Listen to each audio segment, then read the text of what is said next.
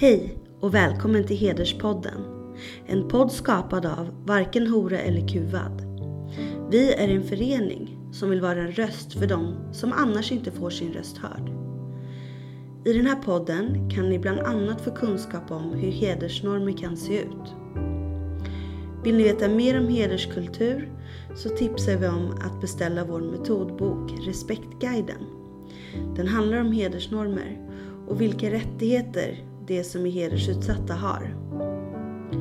Ni kan också läsa Varken Hora eller Kuvads rapporter 11 och 1200 som kartlägger hedersförtryck i socioekonomiskt utsatta områden i Stockholm och Göteborg. Vi har också en tidning, Förortsfeministen, där vi skriver om hedersnormer och mycket annat. För att ta del av det jag precis nämnt så kan ni besöka våra sociala medier eller vår hemsida www.vhek.se. E. Där kan ni även hitta tidigare avsnitt av Hederspodden. Tack för att ni lyssnar och för att ni stöttar vårt arbete.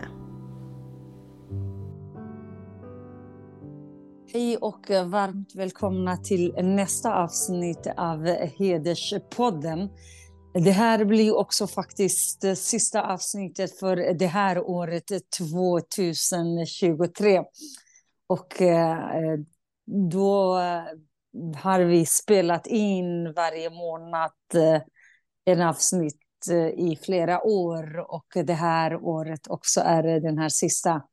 Och varmt välkomna och idag i det här avsnittet gästas vi av Eh, en väldigt kämpe, eh, ung kvinna, eh, Hassan, eh, som är född och eh, uppvuxen till 13-14 år i Somalia.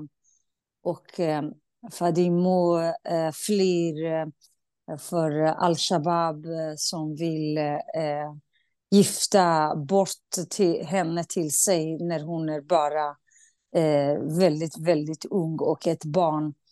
Eh, och eh, Fadimo har skrivit också en bok eh, om sin resa.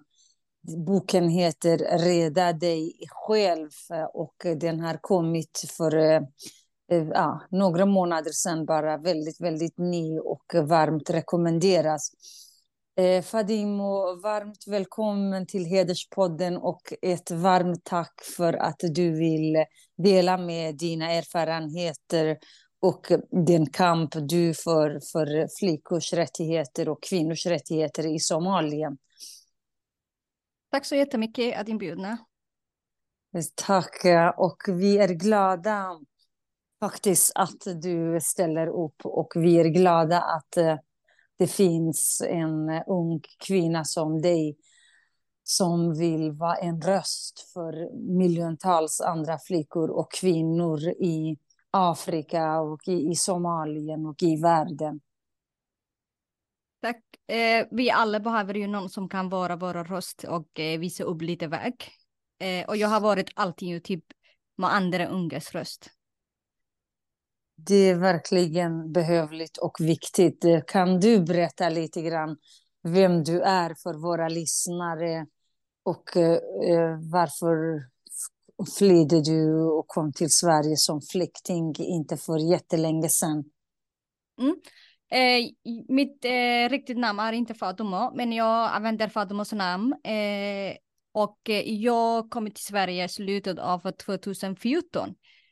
Eh, allting började när jag var, gick på skolan en morgon och vi skulle bara göra ett prov. Eh, plötsliga när vi ska göra andra ämnesprov och vi sitter inne i klassrummet och skulle precis börja göra provet kommit in med en hel grupp. Minst 20 män eh, med maskerade ansiktet som har hoppat in bara i skolan och börjat skjuta och eh, vi har bara skrikna och skjuta och jag fattar inte vad det är som begår. Eh, och sen min engelska lärare som var den enda vuxen i rummet bara säger save yourself. Det är därför boken heter Rädda dig själv. Aha, oj, oj, oj, oj, vad läskigt, vad fruktansvärt. Men vi kommer in på, på, på den och, och berätta om din uppväxt. Vilke, Alltså du var ju jätte, jätteung när detta skedde och så flyr du. Men, men annars, du är född i Mogadishu, eller? Ja, jag födde i Mogadishu och fick upp. Min mamma också födde. Min mammas mamma födde. Vi alla är ju från det. Eh, jag fixade upp där, hade ett vanligt liv, vi gick i skolan. Eh, jag har alltid varit den här unga tjejen som ställer frågor varför tjejerna inte går i skolan, varför hon sitter och lagar mat och städar eh, mellan mammorna här. Mm, din mamma kan göra ju, du kan gå i skolan. Varför eh, skulle ni könsstimmade eh, tjejerna. Jag har alltid varit den här frågan varför hennes bror ska slå den här unga tjejen. Var, var fick han makten att han kan slå henne? Jag har alltid varit, jag var ju väldigt ung, men jag har alltid varit den här frågor. Eh, varför? Eh, för att jag vill att de ska se unga tjejer eller kvinnor som en människa. Vi är inte till någon annans eh, grejer som vi ska bara, att de ska göra vad de vill, eller slua, eller de ska ha makt över. Jag har alltid varit, vad gör man? Varför din dotter sitter, om du aldrig gick i skolan, varför din dotter ska ta samma väg? Hon kan ju gå i skolan.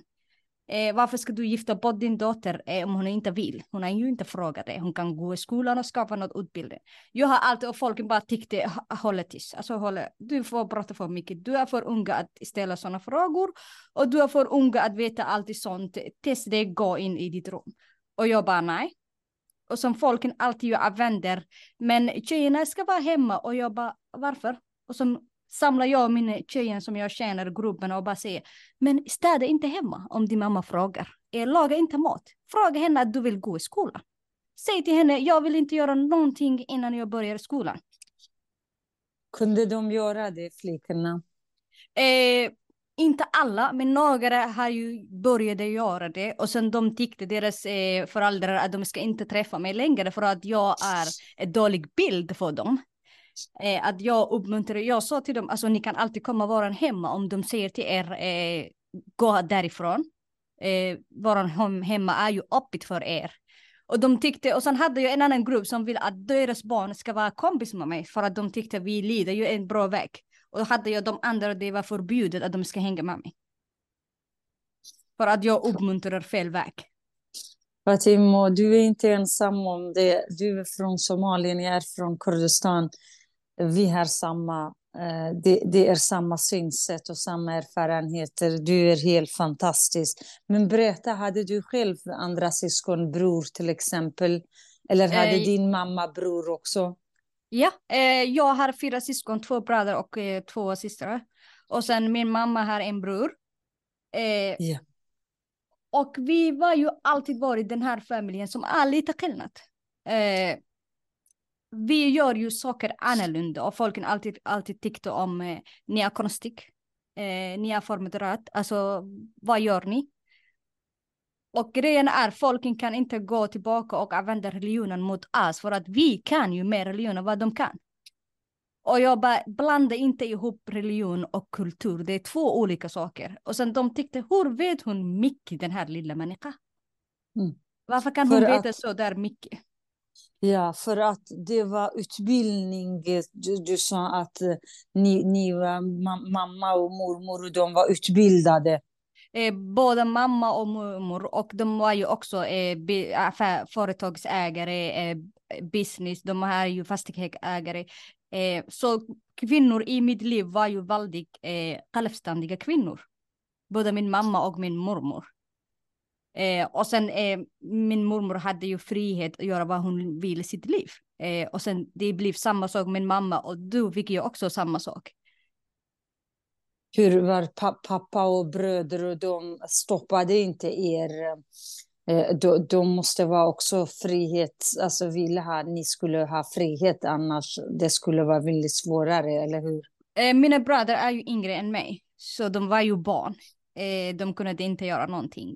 Men jag tror inte ens idag, de kan inte, de ställer sig inte in i där. Mm. Min pappa har ju alltid varit, han är ju nästan han är ju från ett familj som är väldigt, väldigt religiösa, men han är ju sånt som att tjejerna ska utbilda sig, tjejerna ska klara sig själva. Han hänger med den sidan.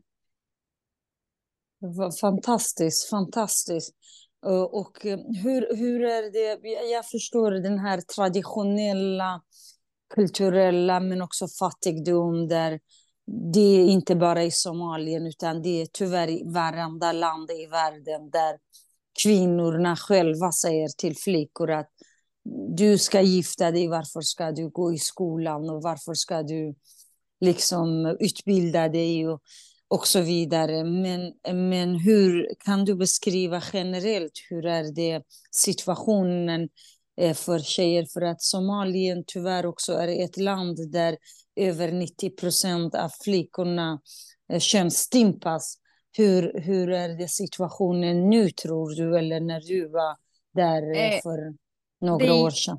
Det är jättemycket tidsskillnad eh, 2014 och nu, eh, men det är många eh, som bor på landet eh, utanför staden. Det är många som gifter bort sig när de är 12, 13, 14. Som skaffar barn eh, när de är 16 har de redan två och tre barn. Eh, de här tjejerna går aldrig i skolan. Eh, de inte ens lämnar samma område som de födde. Om hon ska gå och handla någonting eh, så vet man, man har ju minuter att hon ska komma tillbaka hemma. Så de, de har ju inte sett världen. De är ju, det är typ som ett litet fängelse, att man inte har mycket frihet. Eh, de blir eh, eller vad heter det?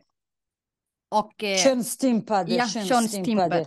De blir ja. könsstympade och eh, allting föräldrarna vill bli av med deras dotter. Det är typ att man får, om man får en dotter och så när hon blir 12-13 så vill man sälja ut henne. Det är typ så. Eh, sälja ut henne till en gubbe. Det är inte ens en kille som är lite gammal, samma gammal som henne. De kommer, de kommer bara gifta bort henne och sen får man eh, pengar. Jag såg ju de senaste nu tiden i TikTok en kvinna som gifte bort när hon var 12 och sen hon tappade eh, hjärnan så nu är hon galen. Och hon bara minnas den kvällen när hon var giftade vad han gjorde med den mannen. Mm. Så det är en video som Valdik sprider när hon skriker och gråter för att hon, den enda minne som hon har är ju den. Och mellan när den hon blev våldtagen ja. menar du? Ja. Fruktansvärt. Och det enda, där fick hon två barn. En dog och den andra männen bara tog med sig den barnen och lämnade henne. Ja, det, det är verkligen fruktansvärt och det händer ju, du vet. Eh, ja, och det är nu 2023. Mm. Ja, miljontals flickor eh, varje år gifts bort i många länder i världen. Mm. Och sen den här könsstympningen är ju när jag var ung brukar jag alltid höra någon som skriker i något hus och det, det betyder den dagen de, de gör sånt i den huset. Och man bara hör hur barnen skriker. Barnen är typ 7-8 år. Alltså hur mycket dramserar de får. De bara skriker och gråter och jag och mina kompisar brukar bara kasta sten i den huset bara. Och sen när de kommer ut och frågar är jag bara säger ni är självmord, ni dödar folk. Mm. Så nu du menar på att när grannarna könsstympade sina barn som mm. var sex sju år. Ni hörde att de skrek och Barnen ni... skriker. Mm, av rädsla.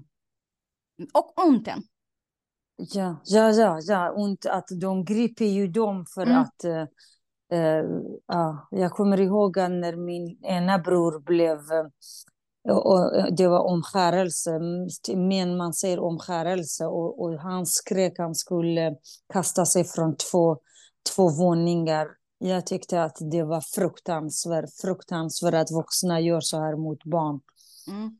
Eh, och nu är det flickor också. Det spelar ingen roll, båda är fruktansvärt, men för kvinnor, man stympar henne, man, man klipper hennes klitoris och mm. det är Fruktansvärt. Men de som gör också, de har ingen medicinsk, medicinsk till exempel, någon be, bedö, bedövning eller så. De har inte ens kunskap. Eh, de fattar inte ens hur man gör. Det är bara en tanke de fick. De har aldrig utbildat sig för att göra så. Det är bara sådana kvinnor som typ födde där och fick sitt upp och sen någon dag har hon bestämt att göra sånt. Så de kan ju inte ens, ibland handlar det kvinn, äh, uh, unga tjejer blöder ihjäl för att de här har ju ingen kunskap. Och sen ibland får man ju sjukdomar för att det inte är rena grejer de använder. Just det. Va, va, vad sa de till er, till din familj där till exempel du var inte könsstympad eller din mamma? De tyckte att vi alltid kommer att hamna dåliga istället, att jag kommer eh, bli bortgift när jag är liten för att jag kommer inte hålla mig själv. Eh, att jag kommer att kommer bli kanske gravid och hämta en baster. Alltså de har sagt det alltid som finns och jag bara, bara om du tänker om din hjärna och lära dig någonting så kanske du kommer att ändra det brukar jag säga. Men de tyckte varför hon cyklar, varför hon badar i havet, varför hon springer runt. Hon är ju en tjej, hon ska hålla hennes ben. Mm. Så det är föreställningen om kvinnor och flickor som är oskulda, att man ska eh, göra rent dem för att man ska klippa bort eh, att ingen ska ha tillträde till henne tills man väljer någon man åt henne. Ja.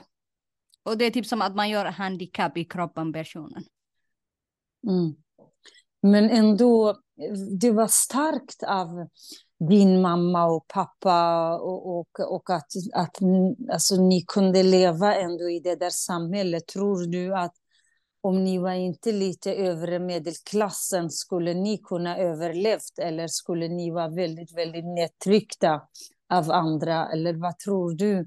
Vissa överlever, men inte de andra av det kulturella trycket eh, vi har ju, eh, vi hade ju inte problem och sen hade vi ju alltid pengar. Eh, men om det, här, om det var inte den gruppen i Al-Shabaab eh, tror jag inte att vi skulle aldrig ha problem. Vi, vi kunde göra skillnad och gå fram med och hjälpa andra att de kan bli samma som vi. Eh, men också i Somalia finns ju någonting som är clownsystemet. Så vi var ju en lite, de tycker att vi var ju en lite bättre, så vem som helst kunde inte beka oss.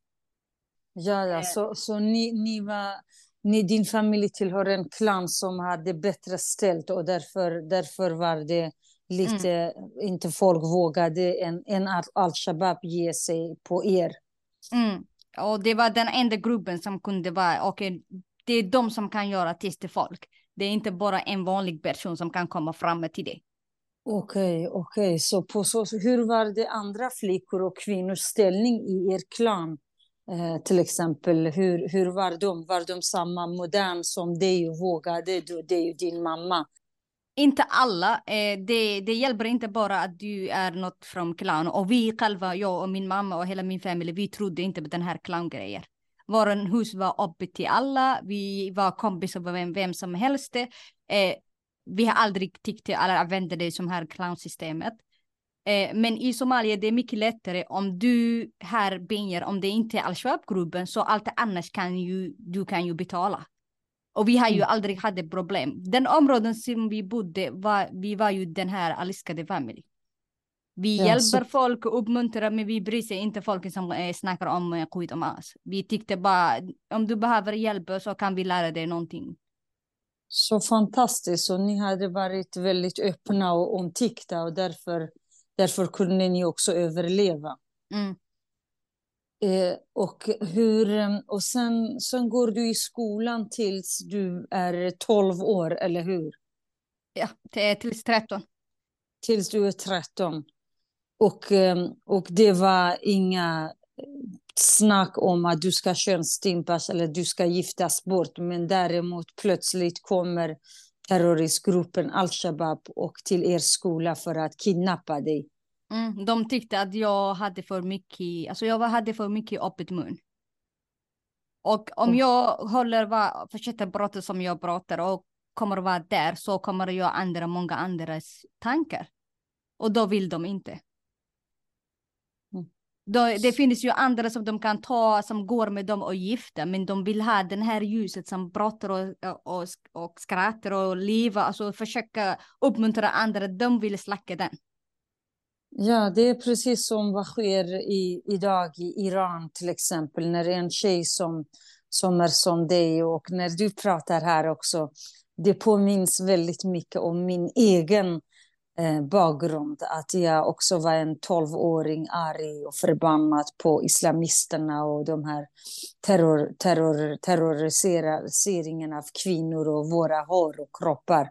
Mm. Då, det händer än idag att iranska unga flickor i skolorna de kämpar mot tvångshijaben, mot trakasserier och att de vill eh, precis av frihet. Det är väldigt, väldigt lika erfarenheter, eh, Fatimo. Så du vet att eh, mm. det finns så många kvinnor, inte bara i Somalien och i eh, Afrika som är utsatta, utan i många andra delar av världen. Men det viktigaste är att det finns personer som dig som både kan rädda sig själv och att vara förebild för andra. Mm. Men berätta sen, hur, hur var det i skolan? Blev du inte trakasserad eller inte någon som vågade ge sig på dig för att du var inte könsstympad och du var inte bortgift och du gick i skolan. Men det var bara flickskola, eller hur? Eh, nej, vi gick ju den här skolan som är både i klassen finns eh, tjejer och killar. Eh, det var engelska ah. skolor som vi gick. Eh, det finns ju olika skolor, arabiska skolor och engelska skolor som man får välja. Så min mamma var ju självklar, hon vill välja engelska skolor.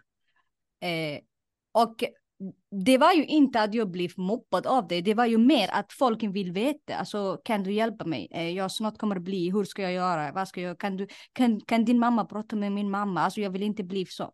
De, det var ju mer att folk vill veta mer och hur kan man göra? För att, för att motstå könsstympningen. Yeah.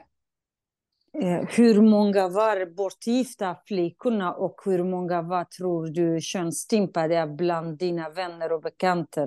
I områden väldigt mycket, men inte samma skola. Den skolan var ju väldigt barnen som var ju väldigt, eh, deras familj var ju helt okej. Okay. Men i områden ser man ju typ 12-åringar, 13-åringar och jag bara tänker, men din, det är barn fortfarande, din dotter är ju barn fortfarande. Hon behöver, alltså vi går ju i skolan. Och nej. Och sen ser man ju de här döttrarna som står framför deras hus och bara de tittar på oss när vi var från vägen i skolan. De vill ju plugga, men de bara står där och har ett, eh, ett åring eller två åringar mellan. De är 14 och bara tittar på oss som vi har skoluniformen och från skolan och i magen det känns ju ont. Vi kan ju inte bestämma själva att de ska gå, det måste deras föräldrar skriva under för att de ska gå i skolan och man bara ser och sen ibland brukar jag ge mina gamla böcker eller om, om jag köper en bok som är skriven på somaliska, jag bara vill du ha den, kan du, kan du läsa när du vill? Och sen de gömmer ju den för att deras föräldrar kommer att tycka att de får inte läsa. Och det politiska systemet uppmuntrar inga familjer och flickor att gå i skolan? Eh, nej de har ju inget problem att det är föräldrarna som bestämmer. Politiken är inte inblandad, de kan inte bestämma över dina barn. Men alla föräldrar har ju inte den här kunskapen.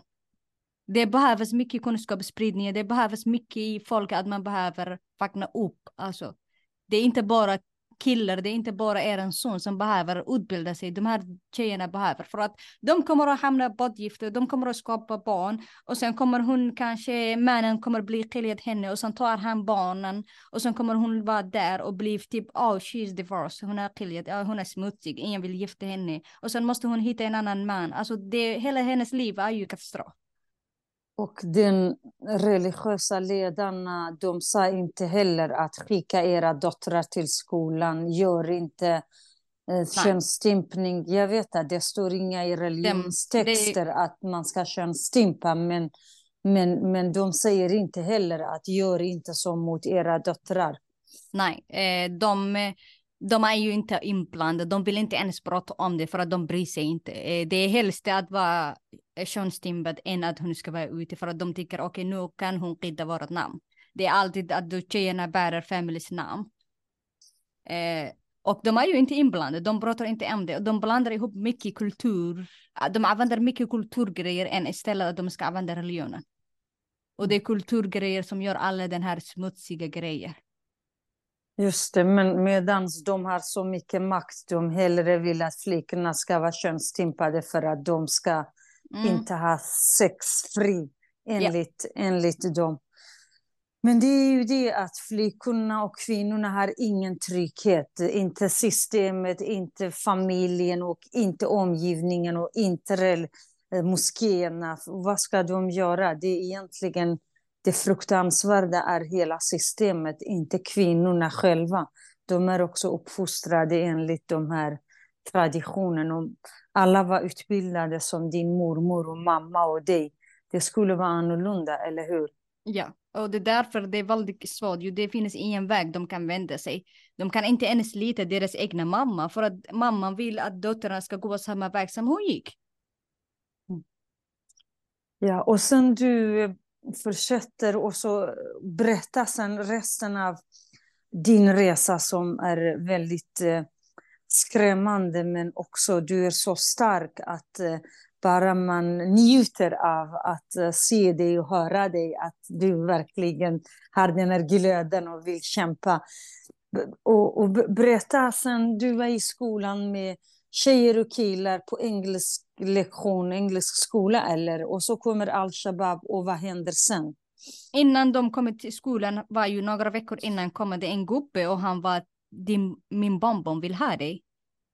Och jag bara tyckte, och eh, va, vad menar du? Jag, bara, jag ser ut som en kille, vad, vad din bonbon vill ha? Stick härifrån, sen kastar vi sten, jag och mina kompisar. Och sen den kille som skickade den här mannen har kommit när vi var på väg eh, från skolan till hemma och han bara, fick du min meddelande? Och jag bara, vad menar du? Han bara, du kommer inte bestämma sen. Du måste bestämma nu. Och jag bara, stick härifrån. Sen kastar vi sten hela områden tills han går därifrån. Och han, alltså man, man ser hans blickar, typ, I wanna kill you. Så... Men han kan inte göra någonting mitt på gatan. Och sen gick ju vi och sen jag märkte att mamma började kosta mig i skolan. Jag fick inte gå ut längre. Mamma var, du måste vara hemma. Eh, du kan inte hänga vem som helst. Du ska vara försiktig. Och jag som var en unge tjej, jag fattade inte den här risken. Jag bara, va? Jag, jag vill promenera i skolan. Jag vill inte bli, jag vill inte bli att du kör mig till skolan. Eh, men sen kommer de vi var ju, vi, jag brukar alltid gå eftermiddag 12.30 i skolan för att jag älskar att sova på morgonen. Men sen blev det när vi gör provet så blandar man ihop alla elever och blandar man ihop alla lärare och sen fick vi gå in på morgonen och göra provet. Vi gjorde matteprov. Eh, nej, vi gjorde engelska prov och sen skulle vi göra matteprov och det var engelska lärare som vaktade oss. Eh, som plötsligt när vi sitter och provet ligger på bordet och vi skulle göra provet så kom, hörs vi skrik och det börjar skjuta och jag fattar inte. Jag bara, vad, vad, vad, vad som händer? Vi, vi alla fick typ panik och min engelska lärare kom till mig framme och var uppe i axlarna, save yourself. Jag blev helt chockad. Alltså han är ju den enda vuxen som vi är i rummet och jag bara, I will. Jag bara hoppat upp från fönstren och bara springer där. Medan jag springer har de börjat skjuta. Alltså överallt och det träffade mig i bilen. Men jag bara fortsatte springa och hoppat in en lastbil som stod i gatan. Fadumo, förlåt, jag vill inte stoppa dig, men bara för lyssnarna som mm. ska naturligtvis läsa din bok, mm. för att det är hela historien. Och, och det vill jag bara att vi ska bara backa bandet. Mm. Så det kommer först någon mamma till din skola eller pappa som säger att du ska gifta dig med Inte vår... i skolan. Eh, Nej. Han kom vid gatan när vi lekade där och han sa min bonbon vill ha dig. Aha, okej. Okay, det var, var en, en gubbe, det är en äldre man. Ja, okej, okay, så de kommer och frågar dig på skolgården? Ja, ja på gatan okay. när vi leker där. Han kommer och bara, jag vill ha dig. Och då är det skolvakten som såg det, därför mamman fick informationen. För att vår skola har skolfakta som står i, framför dörren. Okej, okay. och sen, och alltså man går inte till din familj utan de kommer till dig först för att varna dig? Ja, för att min familj kommer inte acceptera, de kommer bara kasta ut dem. De vet vilken familj jag är från, så de kommer aldrig acceptera om de kommer fram och vi vill ha din dotter. Ja, nej, det kommer aldrig funka. Okay. Det är därför så... andra tjejen, det är lättare att få dem från deras familj, men inte min. Så ja, men, men då är det jätteviktigt att man förstår riktigt. Och sen mm. kommer de, skickar de hem no någon och sen din mamma säger nej. Eller bara mamma hörde rykten att de har stoppat dig på skolgården. Eh, när de har stoppat mig vid gatan, sen eh, gick jag hemma. Och sen det var killen som kom igen när vi var på väg från skolan till hemma. Och han sa, fick du min meddelande, jag vill ha dig. Och du Hur skulle... gammal var han? Hur gammal var han? Han ser ut 24, 25. Och han vill ha en 12-åring? Ja. Och han är Och- lång och stor, alltså man fattar inte ens. Jag var så smal och bara tittar upp honom. Och jag fattar inte, vad, vad, vad vill du ha mig? Jag ser ut som en kille, vad ska du göra med mig? Eh, men sen han bara, du kommer inte bestämma. Jag bara, vi tog bara blockade stenen på gatan och bara kastade upp honom. Såklart jag kommer att bestämma. Och, och, sen, och sen kommer al-Shabab och, eh, eh, och för, att, för att kidnappa dig till... Eh, men varför, varför sköt de andra? Varför ville de döda andra? De de skulle- skjuter upp vid taket, de skjuter inte vanliga. Men Ja, jag, ja, var, i luften. ja, jag var ju inte samma klass som jag brukar vara för att det är prov, alla eleverna inblandade så jag har varit i en annan klassrum. Det är därför det var inte lätt för dem att hitta mig direkt.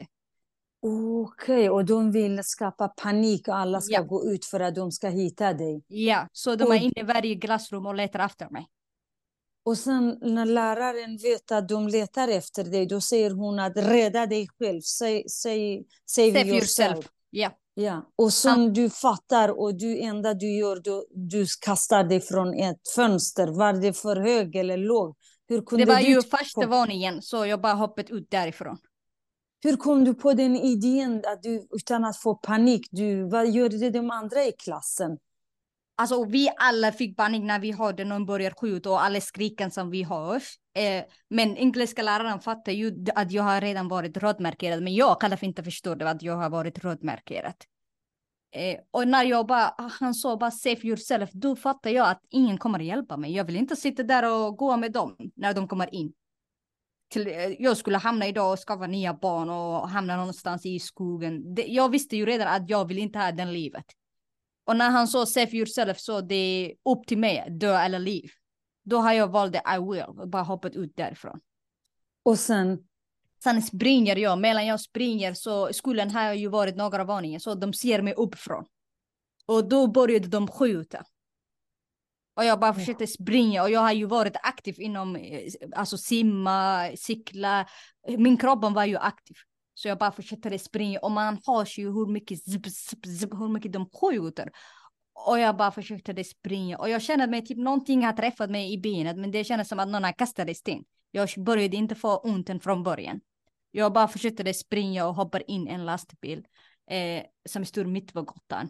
Och så när jag var där inne och han började rulla känner jag att det blev blod hela min kjol. ah. Så du, du bara kastar dig ihop på en lastbil, du vet inte vad är det för lastbil? Jag visste inte ens vem det var. För att det är sol, det är mitt på dagen, jag vill bara gömma mig. Ja. Och, och sen de, de hann inte hitta dig, al-Shabab. Nej, eh, men det blev eh, också mer värre för att den här lastbilen, han körde hela vägen till andra sidan i Somalia. Men när han körde lite bit så märkte jag att jag förlorar mycket blod och sen bankade jag bara vägen och när han kommit fram och öppnade dörren, han bara ut därifrån. Jag bara nej, de kommer döda dig och de kommer döda mig. Och jag känner hela min kropp hur skockiga det är. Onten började in i hela kroppen. Men jag har ingenting, jag bara de kommer att döda dig, de kommer att döda mig. Jag, det är inte orden som jag säger. Och han var bara, vad har du gjort för att det är blod, hela grejen. Och jag bara, min mamma kommer att betala dig hur mycket pengar du vill ha. Snälla hjälp mig. Okej, och, och, du- och sen vad hände sen? sen du, du visste inte vilka de var, du, var du inte rädd för dem? Alltså när de, alltså när de attackerade den här eh, masken på ansiktet, man vet ju vem de är. Det är den enda gruppen som finns i Somalia. Man behöver ju inte ens förklara. Och den här mannen fattar ju redan för att han, varför kör han på den vägen ifrån? För att han redan hörde skjutningen och skrik och allting. Så han vill ju lämna den gatan. Så jag behöver inte Ah. förklara till honom vad som hände. Ah, men ändå visste de inte du var skjuten i, i, i foten. Eh, alltså de kanske, jag vet inte, jag har inte frågat, jag har inte träffat dem igen. Men eh, skolan visste inte ens att jag blev skjuten. Ah, Okej. För att jag, hamnade, jag fick ju mycket blod när jag redan klättrade upp i lastbilen. Eh, och sen han får, när han hjälpte mig lite med något eh, farmaci som var nära eh, någonstans. Eh, fick en spruta och sen sov jag där. De jag bara stoppade blodet i benen. Han sa ingen kulle men du behöver åka in sjukhuset. Jag bara sjukhuset. Det är första platsen de kommer hitta mig. Där vill jag inte åka. Och sen kör han hela vägen och hamnade vi hela vägen i andra sidan i Somalia. och då kontaktar han min mamma via Facebook. Alltså hela min familj blir faktad. Folken är nära hemma, folken är vid gator. Mamma fattade redan, ja, eh, de vill ha information.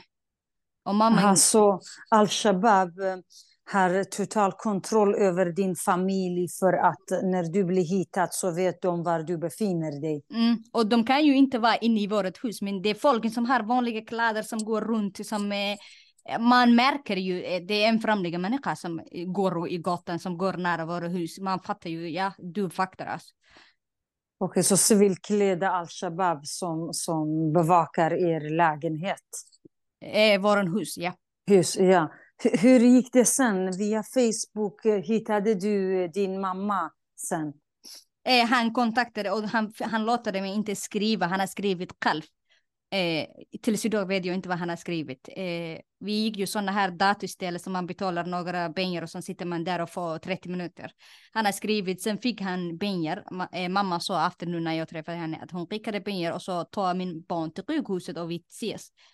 Och han sa jag kommer inte stanna längre här i Hargeisa men jag kommer gå in i Etiopien, vi ses där han aldrig tog mig i sjukhuset. Han köpte några antibiotika och sen eh, tvättade de min kläder från blodet för att han ville inte gå i gatorna en blodliga tjej.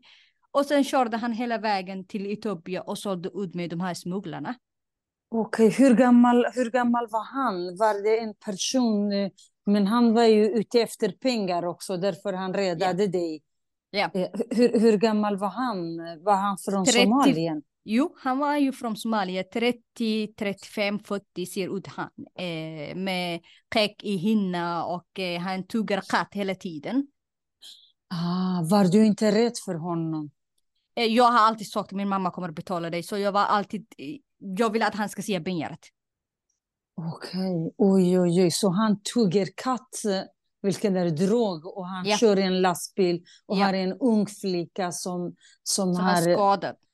Och som, som har flytt från, från den värsta terrorgruppen. Mm. Och jag har ju alltid varit backsidan där grejerna finns eh, i lastbilen. Så har aldrig... Ja, ja, i, i lasten. Jag, jag fattar. Men ingen såg er att varför du tillsammans med en man eller ingen, ingen upptäckte er tills ni kom till gränsen till Etiopien. Eh, nej, vi, skulle, vi har ju sovit i eh, hotell en natt i Hargeisa där han tvättade min kläder. Och han sa, du ska säga att jag är din pappa när vi checkar in. Okej. Okay. Och då fick Va? jag säga att han var min pappa. Annars folk ju frågar varför har du en blodlig tjej? Ja, vilken tur att i alla fall han var schysst och eh, att han inte gjorde dig mer illa. Och, eh, men men vad, vad hände sen? Då kommer du till Etiopien istället utan pass, utan eh, ID. Ingenting. Och sen när vi var där så sa han till mig, vänta mig här så kommer jag tillbaka. Då gick han och skickade de här två männen. Han är ju aldrig kommit tillbaka. Smugglare menar du? Smugglarna. Han skickade och de bara kom då till mig, bara, du följer med oss. Och jag bara, vad menar ni? Och jag, han, de bara, ja kom du följer med oss. Och man fattar ju deras dialekt. De kan ju somaliska men det är dialekten mixad med etiopiansk. Och jag bara följde dem och sen kom vi in i ett sånt hus eh, som är många andra människor och jag fattar inte folken har ryggsäck, folken håller bak, folk och jag, jag har ju jättemycket ont i hela min kropp, jag har skadat ben, jag mår illa, jag har inte ätit så mycket mat. Alltså det kändes, jag fattar inte vad som begår, men jag bara sitter mig där och bara tittar med folk. Helt, vad fan är detta? Jag skulle, jag skulle ju träffa min mamma, var, var är vi någonstans? Men berättade han inte eh, den här eh, föraren att han har förhandlat med din mamma eller fick du ingen meddelande från Facebook från din mamma? Var är du på väg? Vad har hänt? Jag har ju ingenting med mig. Jag har inte telefonen, skuldfiska, alltså allting var ju på bordet där vi gjorde provet. Jag har ju bara min kläder. Och han låter mig inte prata med min mamma, det var han själv som har skrivit. Så jag vet inte vad de här pratar om det. Han var bara, din mamma kommer till Etiopien. Det är den enda udden jag fick. Och jag trodde, ja, min mamma. När han sa jag står här jag kommer tillbaka, jag trodde bara min mamma kommer och hämta mig. Okej, okay. och så mamma kom aldrig? Aldrig. Det, det bör, då började hemska resa. Okej, okay. och sen började det här med smugglarna och att du vet ingenting. Vad hände sen? Berätta.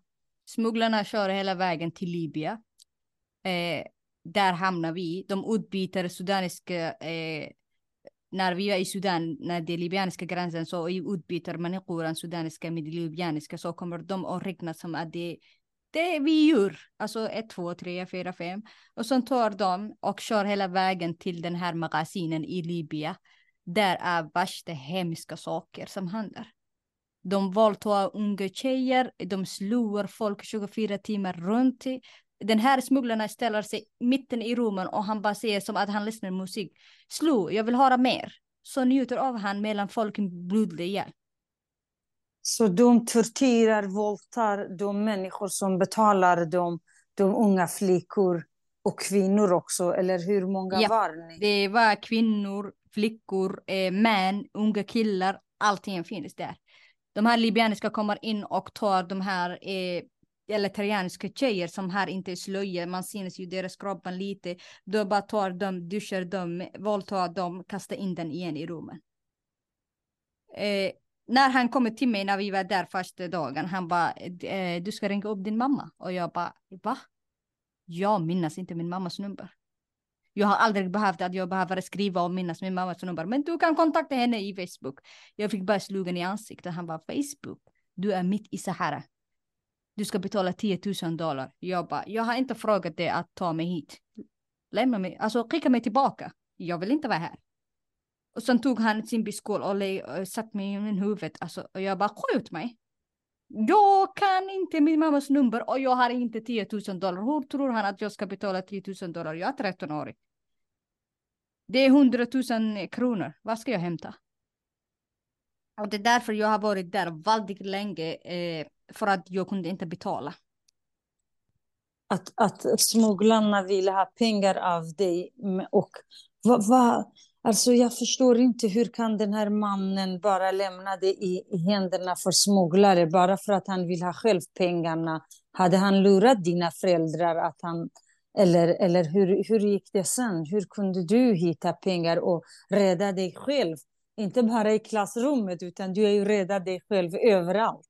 Mm, jag har som. ju inte betalt till dem. Jag hade ju inte pengar och jag, jag kan ju inte min mammas nummer.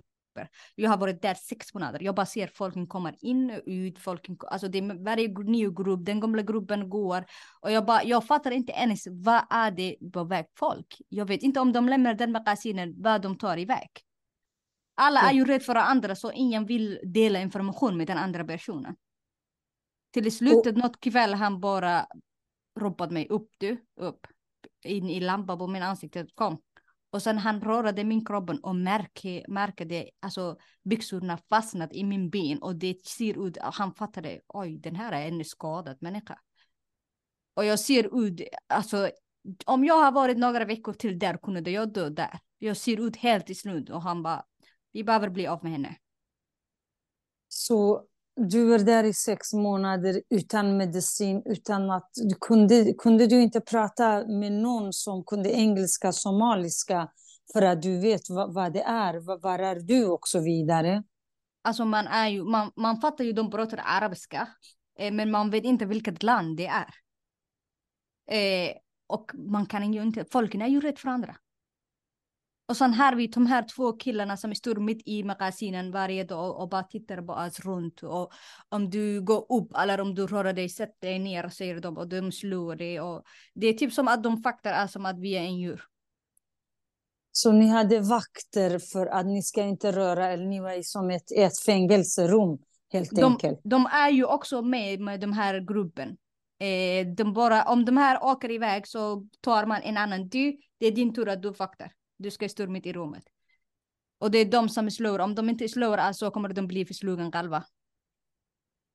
Så det var flickor och pojkar alla tillsammans.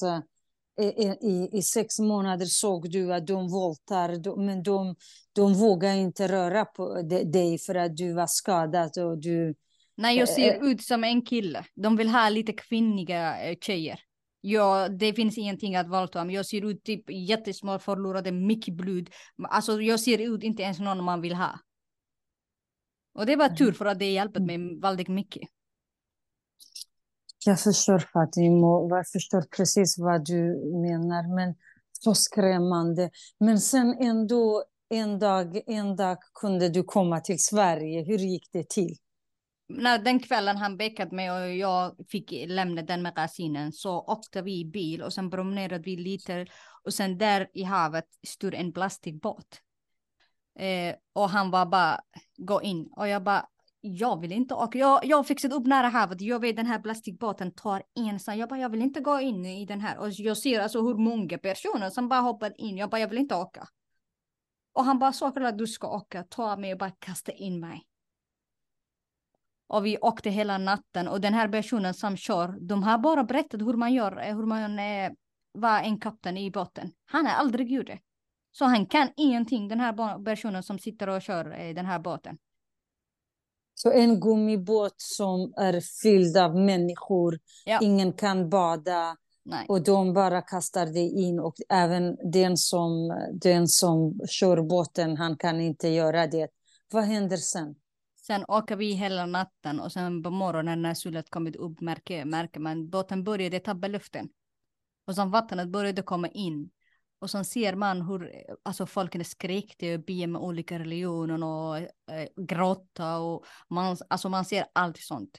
Och bara folk bara sakta och sakta, man ser varje person som väger lite tunn så doppar in i vattnet. Och man bara ser och så väntar man bara sin tur. Så folk bara ramlar av och, och drunknas. När, yes. när... Och man ser alltså båten börjar tappa eh, luften sakta och sakta och vattnet bara kommer in och sen ser man en jättestor båt men den kan inte komma nära eh, i den här lilla båten. Och sen man bara väntar sin tur och jag bara, jag ska inte skrika, jag ska inte gråta, jag behöver spara min energi. Jag, jag väger ju lilla minsta eh, jag kommer att vara den sista som kommer att alltså, gå in i vattnet. Och jag bara sitter, jag, jag ser folk skrika, jag bara, jag vill spara min energi. Jag bara sitter man där och bara, man väntar på sin tur. Och sen märker jag att vattnet började komma in mig här vid axlarna och hur kallt det är i vattnet. Och sen ser jag något helikopter som kommer. Och sen alltså, allting blir svart. Så minnar jag inte någonting efter det vad som hände. Okej, okay, så, så du, det var inga livvästar, inga, ingen, ingen, ingenting. Så du sitter där och håller på att drunkna.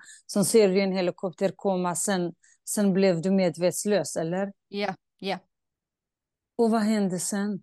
Eh, sen vaknade jag upp, eh, min ben hänger upp i ett sjukhus i Italien och sen eh, massa grejer i min kropp och sen ligger jag där vid sjukhuset. Oj, oj, oj. Men det är som om du har flera gånger på nytt eh, liksom eh, överlevt, eller hur? Ja, ja jag fick alltså, många chans kan man säga. Alltså du är ju en hel hjältinna, herregud.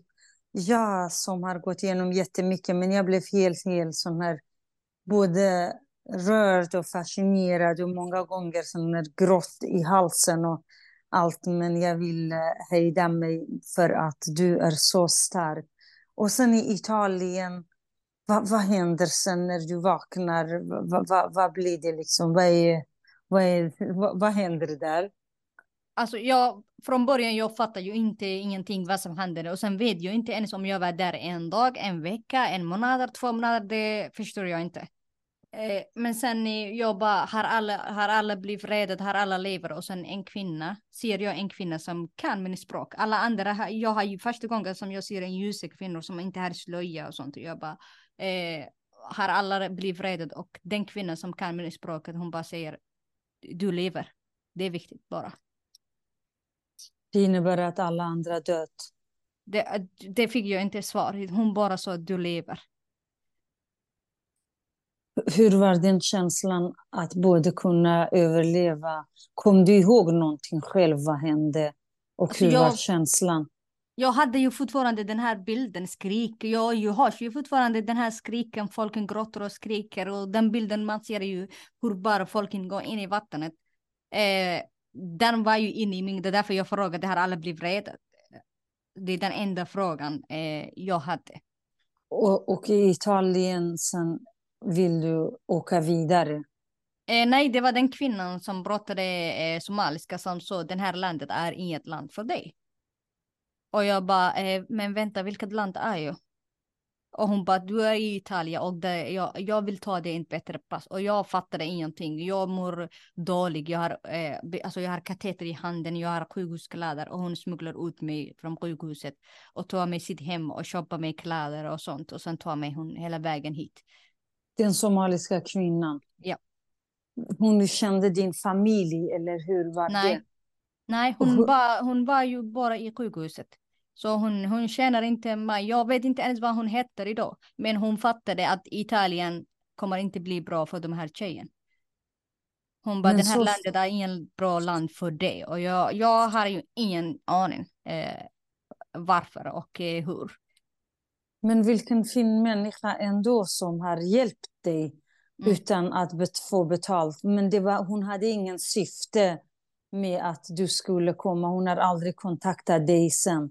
Eh, hon vill inte ens säga sitt namn. Eh, hon tog mig i sjukhuset medan jag har katet i handen. Eh, vi åkte väldigt en lång resa med tåg och byter tåg. Och jag fattar ju inget. Jag har feber i kroppen. Jag fattar inte vad vi är på väg. Jag halkar i benet. Eh, och sen varje gång jag vill brotta, hon är bara kort, slutar du meningen? Hon bara, nej, eh, jag vet inte. Nej. Och jag bara, jag förstår det inte. Men jag tror någon ställe vill hon bara hjälpa någon gång, någon människa, fattar jag. Eller hon, det var inte din familj som hade betalat henne? På, Eh, nej. på. Min mamma inte ens känner vem det är. Eh, hela min familj, vi är ju i vårt land. Vi har ju ingen släkt in i andra länder, EU eller eh, i USA eller ingen. Vi alla, vi älskar ju vårt land. Och Så min mamma du- inte ens känner någon som bor i Italien. Nej. Och du bara följer med och du litar på den här människan och Ja. vågar inte säga något. Men du är inte i det, du är ingen pass, ingenting. Hur Nej. kunde hon hjälpa, hjälpa till med de handlingarna? Jag vet inte faktiskt. Eh, jag bara väljer, det är hon som har pappret i handen och jag bara väljer henne. Och eh, grejen är, jag trodde att hon var med med smugglarna. I början jag fattade inte att hon är en snäll person. Jag fattade bara, det, det är samma grupp. Så, så du vet inte ens, kanske hon var ju en av de här smugglarna, kanske smugglarna fått pengar och hon ha- har, har fått uppdraget att hon ska rädda dig för att annars de skulle inte få pengarna. Nej, och smugglarna aldrig fick pengar. Och de räddar inte folk. Nej. De dödar folk.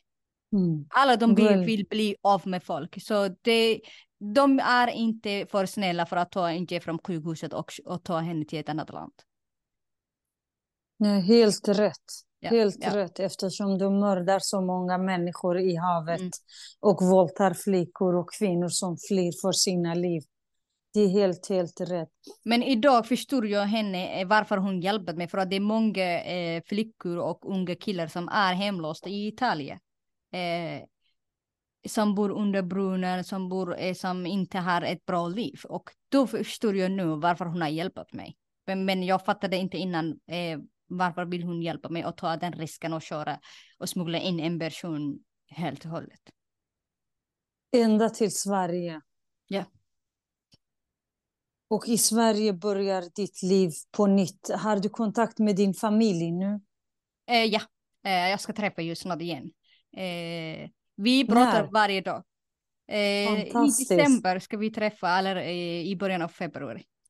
Här i Sverige? Eh, nej, vi, jag ska åka där de bor. Fantastiskt. Fanta Men de bor inte heller kvar i Somalien? Nej, när de, de har ju flyttat därifrån och flyttat till ett annat land i Asien. Och eh, när jag var här och sen vill jag hämta dem, de tackade nej för att de har precis flyttat till ett annat land. De har varit mycket dramagrejer. De har, de var, nu bor vi någonstans, vi lugnar livet. Eh, barnen går i skolan, vi vill inte flytta någon annanstans. Och vilken fantastisk grej att ni hittat varandra och du ska Mm. träffa dem Mm. snart, den här månaden.